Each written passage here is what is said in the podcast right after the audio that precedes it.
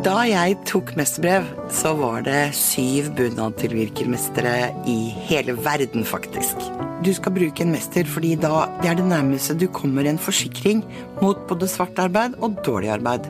Finn din mester blant 70 håndverksfag på mesterbrev.no. Da er du i trygge hender. Velkommen til Ukraina-podden. Mitt navn er Tormod Malvin-Sæther, og jeg er journalist i Nettavisen. Med meg i studio i dag så har jeg Jørn Sund Henriksen, leder for Norsk-ukrainsk venneforening. Og mens vi sitter her, så er det 665 dager siden 22.2.2022, da Russland eskalerte krigen som starta i 2014. Da var dagens gjest Ine Eriksen Søreide, forsvarsminister her i Norge. Velkommen til oss. Takk for det. Og eh, Norge har jo seilt opp som en, de, altså som en ivrig støttespiller til Ukraina. Det er mange som mener man kunne gjort enda mer. Eh, men hvorfor er det så viktig for Norge å støtte Ukraina? Det er, egentlig, det er, egentlig, to grunner til at det er viktig å støtte Ukraina. Det ene er jo at Russland ikke kan vinne. Det er en utrolig brutal krig. Og den begynte jo egentlig i 2014. Det er det jo mange som glemmer i dag, at den krigen hadde jo pågått i åtte år allerede da invasjonen kom i fjor. Eh, så det at Russland ikke skal kunne vinne fram med en sånn opptreden, det å bare ta del av et annet land med makt, eh, det å gå fram som de gjør med å drepe, skade, lemleste, ødelegge, eh, det er ikke greit noe sted, og heller ikke i vårt nabolag. Og det andre er jo at hvis Russland vinner fram, så betyr jo det egentlig at Putin på sett og vis får gjennomslag for sin idé om å endre hele den europeiske sikkerhetsarkitekturen. Det ville sende et helt fryktelig signal til andre autoritære og totalitære ledere om at det ikke får konsekvenser å gjøre det de, det de gjør. Og det har jo vært litt av, av mitt poeng etter 2014 også, at Vesten har jo på mange måter vært ganske stille i responsen på det Russland har gjort de siste åra. Um, det er lett å glemme nå det store cyberangrepet mot Estland i 2007, angrepet på Georgia i 2008, eh, måten Russland også for øvrig har eh, stilt seg på Syrias side, bomba Aleppo altså det har, det har vært utrolig mange situasjoner. Og så da anneksjonen av Krim i 2014. Og, og det at Vesten har hatt en ganske dempa respons, mener jo jeg har ført til at Russland bare har gått ett skritt videre neste gang. Fordi de, de lar seg jo ikke stoppe annet enn av veldig tydelige meldinger, og det er ikke nødvendigvis militære meldinger, men de er nødt til å få en klar stoppordre som sier at hit, men ikke lenger. Hvis ikke, så vurderer de den oppførselen som akseptabel på et vis, og så går de enda et skritt neste gang. Ja, og det var jo Karen Anja Eggen som var vår, ikke vår forrige gjest, men fredagens gjest på Ukraina-podden. Veldig mm. god episode, vi skal skryte av oss selv. Hun var inne på der at Russland kun forstår maktas mm. språk, og kalte måte at, eh, sa at det kan jo høres ut som en floskel, men du har jo, altså, du har jo forhandla med flere russere, vil jeg tro, enn en de fleste. Eh, er det, stemmer det? Er det noe du også merka selv når du har vært i, i forhandlinger med, med, russere? Ja, helt åpenbart. Og jeg pleide alltid å si både da jeg var forsvarsminister og utenriksminister at er det én ting som er viktig i forholdet til Russland, så er det for Norge å opptre med fasthet og forutsigbarhet. Og man kunne merke det på veldig mange ulike måter, men det typiske var jo at når du sitter i et møte, f.eks. da med den russiske utenriksministeren, så har jo de liksom en, en, lang liste med ting de tar opp. Vi har en lang liste med ting vi tar opp. Men det litt spesielle med russerne er at du må tilbakevise hver eneste påstand du er uenig i. Hvis ikke så tar de det som en slags aksept. Mm. Og kommer tilbake til det igjen og igjen og igjen. Og det er akkurat det samme med det de har gjort i Ukraina og andre steder. At med mindre du da gir en tydelig tilbakemelding, f.eks. For i form av sanksjoner, utestengelser osv., så, videre, så tar de det som en, et tegn på enten vestlig svakhet eller en aksept, og så fortsetter de. Eh, og jeg opplevde jo å få brev i mange år som utenriksminister fra Sergej Lavrov om ting han mente at han og Støre hadde blitt enige om, som selvfølgelig aldri hadde blitt enige om.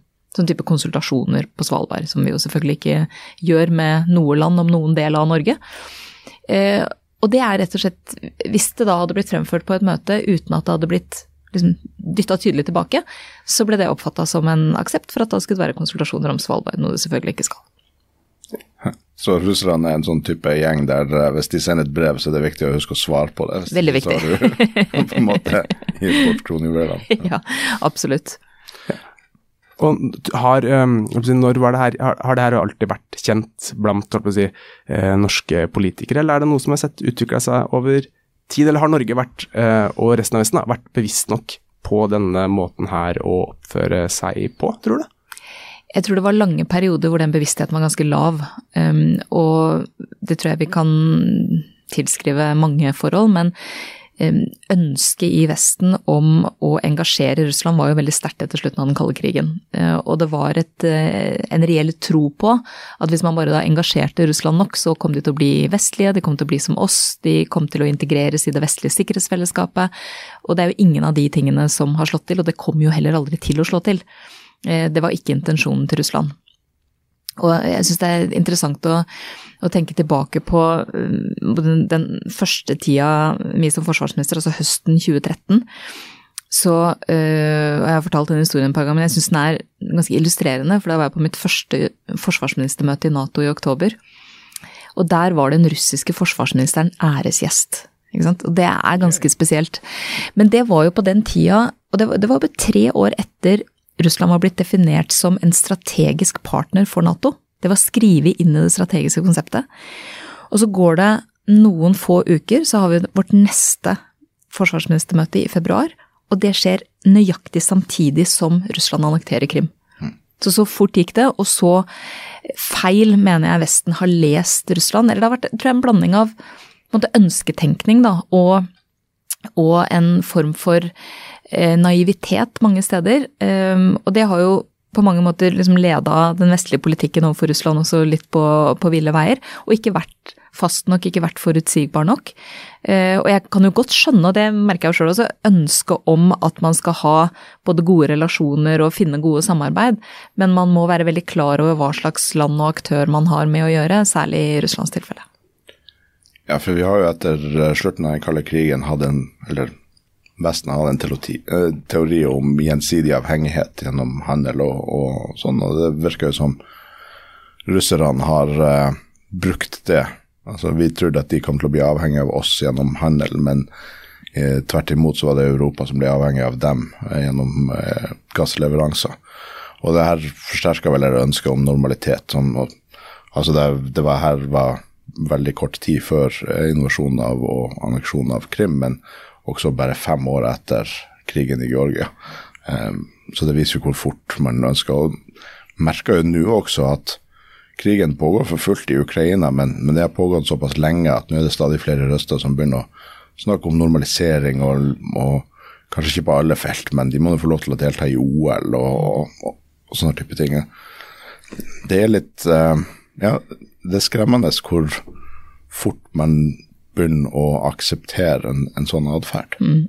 Ja, det er jeg helt enig i, og jeg tror dessverre at akkurat nå så er det litt sånn stemningsskifte på gang, og det mm. har å gjøre med mange faktorer. Det ene er at særlig USA selvfølgelig har en stor politisk splittelse rundt støtten til Ukraina. Det som jo var en veldig samlende sak, mm. har nå plutselig blitt en veldig polariserende sak, og inn mot et presidentvalg så blir det enda mer polariserende. Og en av de republikanske presidentkandidatene omtaler jo altså han, uh, Vivek uh, Ramaswamy, han omtaler jo rett og slett Zelenskyj som nazist, ikke sant. Og det slår jo godt inn i enkelte deler av hans velgermasse. Og samtidig så er det mer jeg vil si, strekk i laget på EU-sida også. Mm. Um, og det gjør jo at jeg er ganske bekymra for at vi kommer i en situasjon nå hvor Ukraina på sett og vis presses inn i en forhandlingssituasjon på helt andre vilkår enn det man egentlig har sagt hele veien, nemlig at det skal være på Ukrainas eh, vilkår. Og det handler jo mye om at en eventuell eh, avtale på et tidspunkt, som jo må komme, den må, for det første må man jo ha tillit til at Russland overholder en sånn avtale, og at det ikke når man snur ryggen til, så angriper de igjen. Og det, det er det jo ingen som har nå, eh, og det er det jo ingen grunn til å ha heller. Og den må jo ikke da komme altså Ukraina må heller ikke komme i en situasjon hvor de presses inn i en forhandlingssituasjon som gir et fryktelig dårlig utbytte for Ukraina. Som ikke gir sikkerhet, som eh, gjør at eh, alle landområder russerne har tatt, plutselig blir russiske osv. Da vil jo Russland i prinsippet ha vunnet fram med sitt poeng. fordi her handler jo mye om å, å stoppe Ukrainas eh, klare bane mot Vesten. Eh, det noe av det Putin er mest bekymra for, er jo demokrati i nabolandet. Det er jo en direkte risiko for hans eget regime. Så det å stoppe alle utviklingstrekk som går i, i den retning, er noe av det aller, aller viktigste. Det er ikke landområdene som sådan, men det er på en måte det å ha denne politiske kontrollen. Og jeg tror at det, det stemningsskiftet som skjer nå, eh, det har også sammenheng med, i tillegg til disse to elementene, at nå er jo egentlig krigen på det feltet som en del av oss advarte mot ganske tidlig, nemlig ganske likt det som skjedde etter anneksjonen av Krim. Mm. Den er geografisk mer eh, sentrert mot sør og øst. Eh, det foregår angrep mange andre steder også, f.eks. i Kiev, men ikke så intensivt som i starten. Og det betyr at den også lettere eh, forsvinner både fra mediebildet og liksom folks oppfatning. Og det gjør selvfølgelig også at det er vanskeligere å, å samle den støtten som trengs. Og jeg synes det var det var som alltid sterkt å høre Zelenskyj tale i Stortinget. Han er jo, det er jo veldig veldig sjelden at Stortinget åpnes for noen andre enn altså Det er liksom Churchill og sånn, men, mm. Eh, men Zelenskyj har vært her to ganger. Mm. Eller én gang digitalt, da, og nå, nå eh, direkte.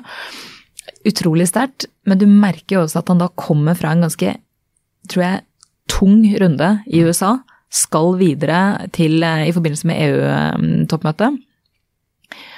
Og, og, kommer da til et land som, hvor det er liksom full og bred enighet om støtten til Ukraina og, og liksom langsiktighet og sånn, og det tror jeg føltes ganske bra for den, for å være helt ærlig.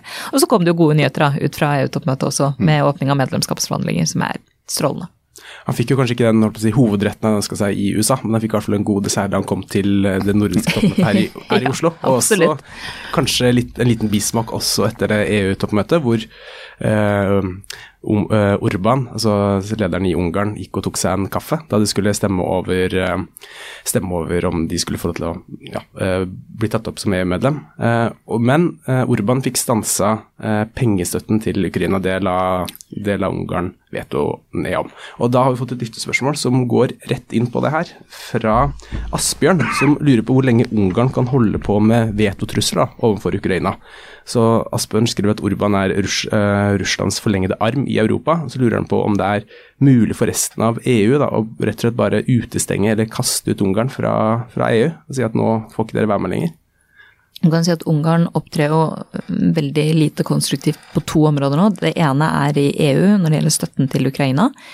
Og det andre er i Nato når det gjelder å godkjenne medlemskapet til Sverige. For der ligger jo Ungarn i skjørtene på Tyrkia og har jo heller ikke ratifisert. Ehm, jeg tror det som kommer til å skje i EU, er at EU eh, e ikke kommer til å akseptere at, eh, at, Ungarn skal blokkere en enighet om støtte.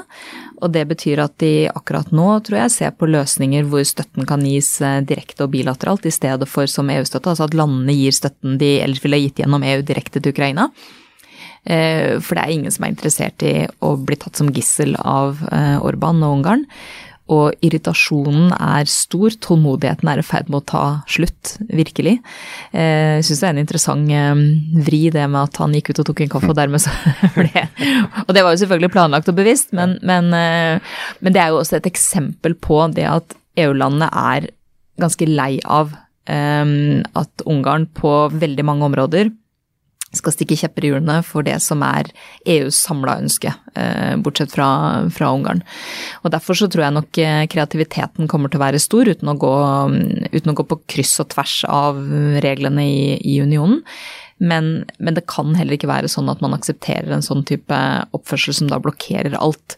Og det er jo litt det, det bildet som jeg mener vi ser en del i EU på andre områder også at man prøver å gå mer over til flertallsløsninger og, og, en del andre ting som da gjør at du kan, kan omgå de landene som ellers kan eh, blokkere.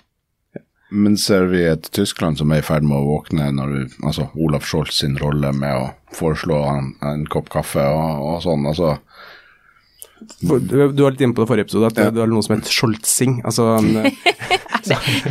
er, det, et nytt ord? det ble jo et ord når han brukte veldig lang tid på å godkjenne og sende stridsvogner til, til Ukraina, og du fikk den her absurde situasjonen med at uh, amerikanerne måtte gi 30 stridsvogner for å, for å utløse. Ja. Da ble det jo der, å dra beina etter seg ble en slags skjoldsing. Men nå ser vi jo at når Tyskland først har bestemt seg, så, så mm. kommer de i gang og er mer aktive politisk også. Har, er det et håp om at de kan lede denne koalisjonen eh, når amerikanerne svikter?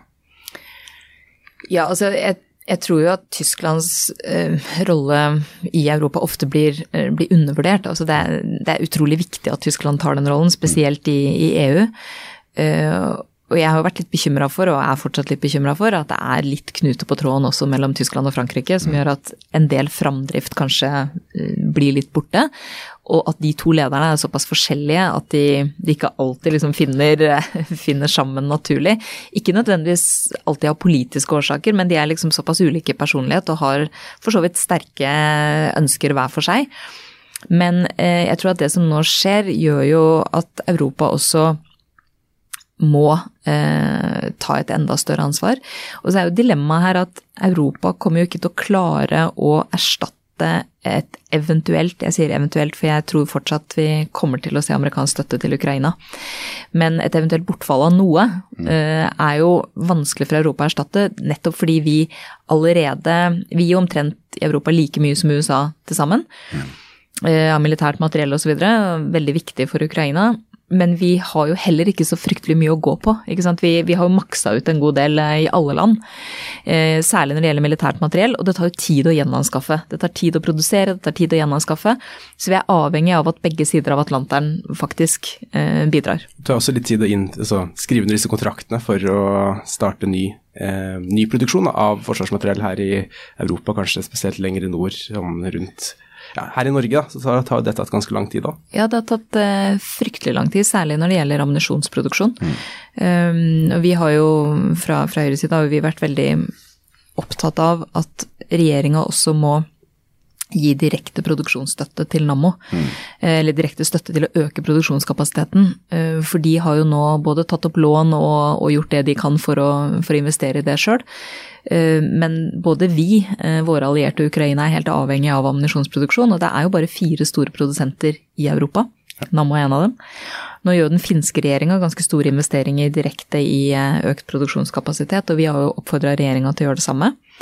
Eh, men det går sakte eh, med kontraktsinngåelsen. Jeg har forstått det sånn på Nammo, som de sa på høringa vi hadde i Stortinget, at det er inngått kontrakter for ca. 1,9 milliarder av de 4,6-4,7 som eh, regjeringa har sagt de skal inngå kontrakter om. Og det er jo også en Det at man på en måte ikke får økt produksjonskapasiteten nok, gjør jo også at det tar lengre tid enn det ellers ville ha tatt. Så jeg tror at akkurat når det gjelder ammunisjonsproduksjon, eh, og for så vidt den andre deler av forsvarsindustrien også, så må vi, vi må innstille oss på at vi ikke er i fredstid. Mm. Um, og det kreves andre ting av oss. Og det kreves jo f.eks. at vi ikke bare kan se på dette som et sånn rent næringspolitisk spørsmål, men det er beredskap for oss og for våre allierte, for ukrainerne. Mm. Um, og da må man tenke litt annerledes og litt utafor boksen. Og jeg mener jo at vi på mange måter har klart det på flere områder om Ukraina i de siste månedene. Og Nansen-programmet syns jeg er et veldig godt eksempel på det. Eh, som jeg tror er veldig verdsatt av ukrainerne. Både fordi at det er et stort program, men også fordi at det er en langsiktig forpliktelse som de kanskje er mer opptatt av nå enn de har vært på, på veldig lenge. Men da klarte vi å tenke utafor boksen. Det er ikke vanlig at man får til for det første helt tverrpolitiske avtaler, og som i tillegg da eh, strekker seg over fem år, altså over skiftende stortingsflertall, muligens skiftende regjeringer.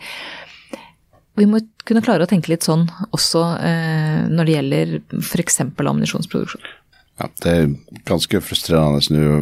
Jeg har hørt eh, vitnesbyrd fra enkelte artillerienheter i, i, i, Ukraina som rasjonerer, og de får en plass mellom 20 og 40 artillerigranater om dagen og skyte, som er ingenting for en enhet ved fronten. Mm.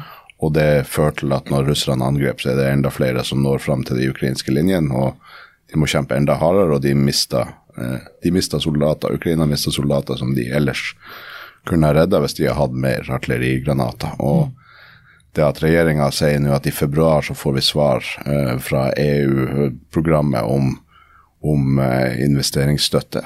Da er det gått to år eh, siden den fullskala invasjonen. Altså, hvis det hadde vært politisk vilje og handlekraft, så kunne de ha finansiert opp det her sjøl. Altså, de kunne jo ha stemt for Høyres forslag i Stortinget, f.eks. For, For eksempel. Ja. for vi la jo inn jeg tror det var 350 millioner i budsjettet for i år, Ja. og 400 millioner for, eh, for 2024 for å, for å få økt produksjonskapasiteten. Og så mener jeg det er veldig bra at regjeringa legger penger på, eh, på ASAP-programmet i EU. Men der konkurrerer jo norske prosjekter med prosjekter fra alle andre europeiske land. Og hvis man får tilslaget, så er det jo ikke full dekning av økte produksjonskostnader. Det er vel et sted mellom 40 og 45% og så har regjeringa sagt at de skal legge på litt mer penger for å matche litt mer, så man kommer opp i kanskje sånn 70-75 Men så har de jo samtidig sagt at hvis ikke norske bedrifter får tilslaget, så trekkes de pengene tilbake til Ukraina-programmet, og, ikke- da i stedet gis direkte til bedriften som en støtte. Så der mener jeg det man kunne liksom tenkt eh, litt annerledes, litt mer kreativt, for å få litt fortgang eh, i dette her. Eh, og så gjør Norge masse bra, og det er jo heldigvis full enighet på Stortinget om alt, kanskje med noen unntak av F-16 og sånn, der er det litt uenighet Rødt og, og sånn, og til dels stridsvogner. Men utover det, altså alt vi gjør av øving og trening, eh, pengebeløpene, at det skal gis militær støtte, det har bunnsolid eh, oppslutning, og, og det er veldig bra. Og hva er det, altså Norge er jo, det har vi hørt mange ganger før, men Norge er jo et, det er jo et lite land. Eh, Vi har jo en stort oljefond, tjener mye penger på det, men eh, vi kan jo ikke erstatte USA når det gjelder militær og finansiell støtte til Ukraina. Men hvordan er det Norge måte, kan og, og, og jobber for så vidt da, for å støtte Ukraina i denne kampen mot Russland? For det er jo, altså, det er jo alle er jo enige om at det er i våre interesser at Absolutt. Ukraina vinner. Ja, det har ekstremt mye å si for eh, vår egen og for europeisk sikkerhet, i tillegg til eh, det, den åpenbare betydningen det har for Ukraina. Eh, Vi kan jo etter min oppfatning gjøre mye på, på mange områder. Altså jeg var litt inne på det med øving og trening av soldater, f.eks. Det å donere militært materiell.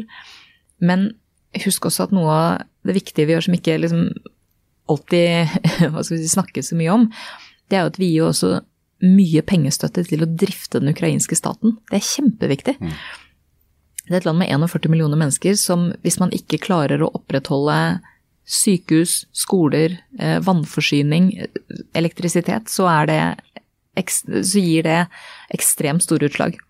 Så det må man også gjøre. Eh, Og heldigvis er jo Ukraina et land som for det første er veldig digitalisert, og det er jo noe av det som har klart å holde en del av funksjonene oppe. Nemlig at de digitale systemene var der og fungerer. eh, I alt fra liksom utbetalinger til, til andre ting. Og så har Norge også bidratt mye når det gjelder gassforsyning. Eh, Vi bidrar til reparasjon av ødelagte kraftverk. Eh, Og det er jo sånne ting som kanskje ikke syns så mye i det, liksom, i det store bildet, men som har enormt stor betydning for, eh, for Ukraina. Ja, og, og det var også noe av det første Støre sa, det det første han sa faktisk, da han holdt denne pressekonferansen med Zelenskyj i statsministerboligen på tirsdag forrige uke. Altså trakk han fram da at Norge gir totalt en milliard dollar til, eh, til Ukraina for 2023, da, for å kunne betale disse regningene som, som staten må betale. For eh, selv, altså, selv et land i krig må jo også kunne betale ut lønn til Nettopp. sine arbeidere for at samfunnet skal holdes i gang. og eh, Ukrainas økonomi har jo vært, eh, eller har jo blitt eh, kraftig svekka pga. krigen, naturlig nok. Og så spesielt pga. blokaden av Svartehavet, da, hvor man da ikke får eksportert eh, spesielt korn og andre landbruks, landbruksprodukter pga. Russlands blokade. Og så har jo den riktignok eh, blokaden blitt svekka i løpet av av sommeren, da, takket være Ukrainas ikke-eksisterende marine, som har eh, dytta bort Russlands. Og jeg, jeg syns jo et veldig interessant initiativ er jo det som Norge, Storbritannia og noen andre land tar nå for å bygge opp eh, en ukrainsk marine, eh, sjøforsvar igjen. Eh, det har åpenbart flere betydninger. Det ene er selvfølgelig at det er viktig for et land som Ukraina å ha et sjøforsvar og ha en, eh, ha en marine. Og spesielt når du har en nabo som de har. Men det er jo også ekstremt viktig for sikring av den økonomiske utviklinga i Ukraina. Nettopp fordi at havner og utseiling er så avgjørende viktig for å få solgt det Ukraina kan selge mest av og tjene mest penger på. Ja. Og Da tror jeg vi skal gå videre til et uh, nytt lyttespørsmål. Uh, og det, skal vi se, det kommer fra Espen. Og det her eh, handler da om eh, bevilgninger til Forsvaret. I 2020 så vedtok regjeringen med Høyre i spissen en ny langtidsplan for Forsvaret. Forsvarssjefen hadde ønsket seg alternativ A, som ble beskrevet som det eneste alternativet som ville møte sikkerhetssituasjonen på en tilfredsstillende måte. Likevel ble det, med støtte fra forsvarsvennlige partier, vedtatt en langtidsplan langt under dette behovet. Denne trenden med svak støtte til Forsvaret har pågått lenge, og selv om det er veldig sakte blir litt bedre, så ser det ut til å fortsette. For en lekmann som meg, så er dette vanskelig å forstå, tatt dagens situasjon i betraktning. Så det hadde vært interessant å høre hvordan en slik prosess i regjeringen foregår, og hva som er drivende for at forsvarsbudsjettet holdes så lavt. Jeg er nok ikke helt enig med Espen i at forsvarsbudsjettet holdes lavt, men, men jeg kan prøve å si litt om, om det han spør om. fordi eh, i vår tid i regjering så vedtok vi jo to langtidsplaner. Eh, først en da jeg var forsvarsminister, som ble vedtatt i 2017, og så en som ble vedtatt i 2020 da Frank Bakke-Jensen var eh, forsvarsminister. Eh, og de bygger jo på et veldig sånn grundig og langvarig arbeid. Eh, da, da jeg ble forsvarsminister i 2013, så kom vi jo inn i en situasjon hvor Norge, for så vidt i likhet med mange andre land, hadde bygd ned Forsvaret kraftig i mange år. Dette er jo, som vi snakka om i stad, etter slutten av den kalde krigen, alle skulle ta ut fredsdividenden og vel så det.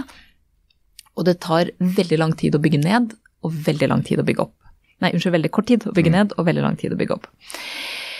Og det, som, det vi var opptatt av da, var jo å få den reelle tilstanden på bordet. fordi at det hadde vært så mange år hvor samtidig med at Forsvaret ble bygd ned, så var liksom rosemalinga av situasjonen mm. bare tydeligere og tydeligere. Det var liksom ikke måte på hvor bra det sto til overalt. Og så gjorde det jo ikke det.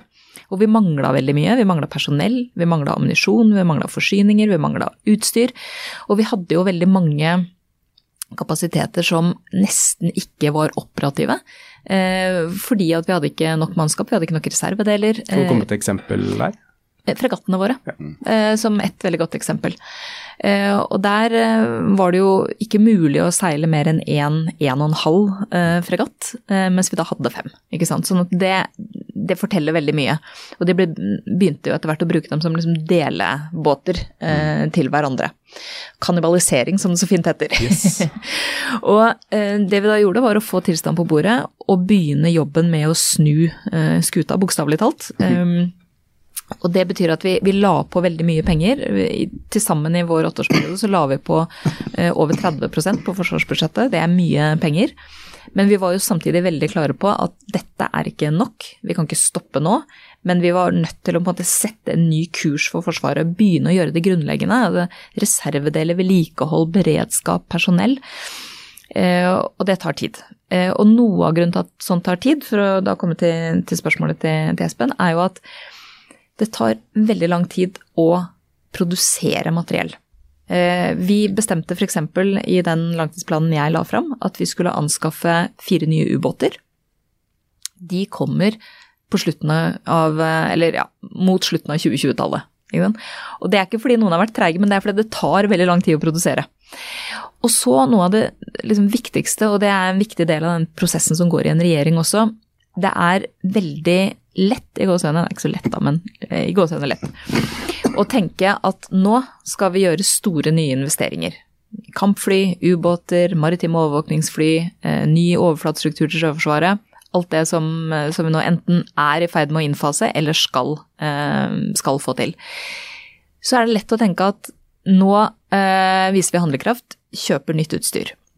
Hvis vi ikke samtidig setter av driftsbudsjett i 30 år framover, og personell nok i 30 år framover, så hjelper det nesten ingenting om vi skaffer nytt utstyr. Og den delen av diskusjonen er det ikke så innmari mange som syns er så spennende. Det er mest spennende med, det nye du skal kjøpe. Og nettopp derfor så er det så viktig at når vi nå har samtaler med regjeringa om eh, ny langtidsplan, det perspektivet der, med balanse mellom oppgaver, struktur og finansiering, og at vi må tenke i et mye lengre perspektiv enn fire år. Vi må tenke 20-30 år fram i tid. Det tror jeg blir noe av det liksom mest krevende når man skal sette seg ned med en ny langtidsplan, som kommer til å få en betydelig økning i budsjettene. Men det holder ikke å gjøre det i fire år. Du må gjøre det i 30 år. Og den politiske forpliktelsen må ligge der i 30 år. Hvis ikke så kommer vi i samme situasjon som vi var på 90-tallet og begynnelsen av 2000-tallet, hvor den operative evnen bare går ned. Ja, og Det var også litt det samme vi så også før. Nå er ikke eh, andre verdenskrig min spesialitet, men det var også det vi så, så også på 30-tallet, at man bygde ned Forsvaret, og så skjønte man ikke helt at nå, nå var det for seint å starte å bygge det opp igjen. da. Det er akkurat det. Og det er liksom for å trekke en parallell til den diskusjonen vi hadde i stad om ammunisjonsproduksjon. Den måten de aller fleste land har jobba på, er jo at man um, tar Eh, har en produksjon som tilsvarer en fredstidsløsning. og så tar det lang tid å bygge opp produksjonen. Du skal kjøpe nye maskiner, du skal bygge nye bygg. Skal, det er veldig mange ting som skal klaffe. Og du skal kjøpe og bestille innsatsvarene i, i, det du skal produsere. Jeg tror vi må liksom snu på den pyramiden og tenke at vi, den situasjonen vi er i nå og kommer til å være lang tid framover, gjør at vi må ha et mye høyere liksom, grunnivå på produksjonen. Og hvis vi kommer i en situasjon hvor ting blir roligere og fredeligere, som jeg virkelig håper vi gjør, så får vi heller ta ned produksjonen litt. Det er mye enklere enn å bygge den opp. Ja. Men da må, vi, da må vi være innstilt på at det har en kostnad. ikke sant? Å ha en høyere beredskap, en høyere produksjon. Men at vi heller da drar den ned når behovene er, er mindre. Og Det er jo det som frustrerer meg med den eh, Nammo-saken. For at det er jo åpenbart at behovet kommer til å være der i lang tid. Og så det å ha en sånn beredskapskapasitet for at når vi plutselig trenger mer ammunisjon, så er det usannsynlig i og med at vi er en bred forsvarsallianse at veldig mange andre vil trenge ammunisjon samtidig. Og da er det vanskelig å skal være bare én av fire produsenter og ikke ha den ekstra kapasiteten. Og hvis vi titter inn i ordrebøkene til både Nammo og eh, jeg tror nesten alle europeiske og for så vidt amerikanske eh, forsvarsindustribedrifter, så vil du se at de ordrebøkene er fulle for mange, mange år framover. Og det er jo fordi det tar tid å produsere, og alle skal nå ha mer eh, samtidig. Altså én ting er at man skal bygge opp sine egne lagre, men de skal ikke bare bygges opp til samme nivå som før, de skal bygges opp kanskje dobbelt så mye mm. for å ha beredskap. Og så skal man etterfylle det man har donert til Ukraina. Og så trenger Ukraina massevis av våpen som de faktisk bruker hver eneste dag. Massevis av ammunisjon. Så, så, det er ikke noe premie for å gjette at den produksjonshastigheten eh, kommer til å være høy i mange, mange år framover. Og da må vi innrette oss etter det. Eh, og så får vi heller eh, bygge ned i perioder hvor eller ta ned kapasiteten i perioder hvor det ikke trengs like mye. For Det er en viss forskjell på å bygge ned produksjonen eller kapasiteten på å produsere f.eks. ammunisjon eller andre forsvarsmateriell. Og, altså, det er forskjell på å bygge den ned og fjerne den og på en måte sette den på pause. og på en måte la, la samlebåndene stå i ro, da, uten, men fortsatt la det være ja. si, olje det og holde det, holde det ved like. Holde det ved like, det er viktig. ja. Litt ledende spørsmål. og et tema som vi diskuterte mye med Karen Anne Eggen. Er vi litt for dårlige på å tenke strategi i Vesten? Driver litt for mye med politikk og neste valg og, og hvordan, hvordan, ser det her ut på Dagsnytt 18, istedenfor å tenke hva må til for at Ukraina skal vinne?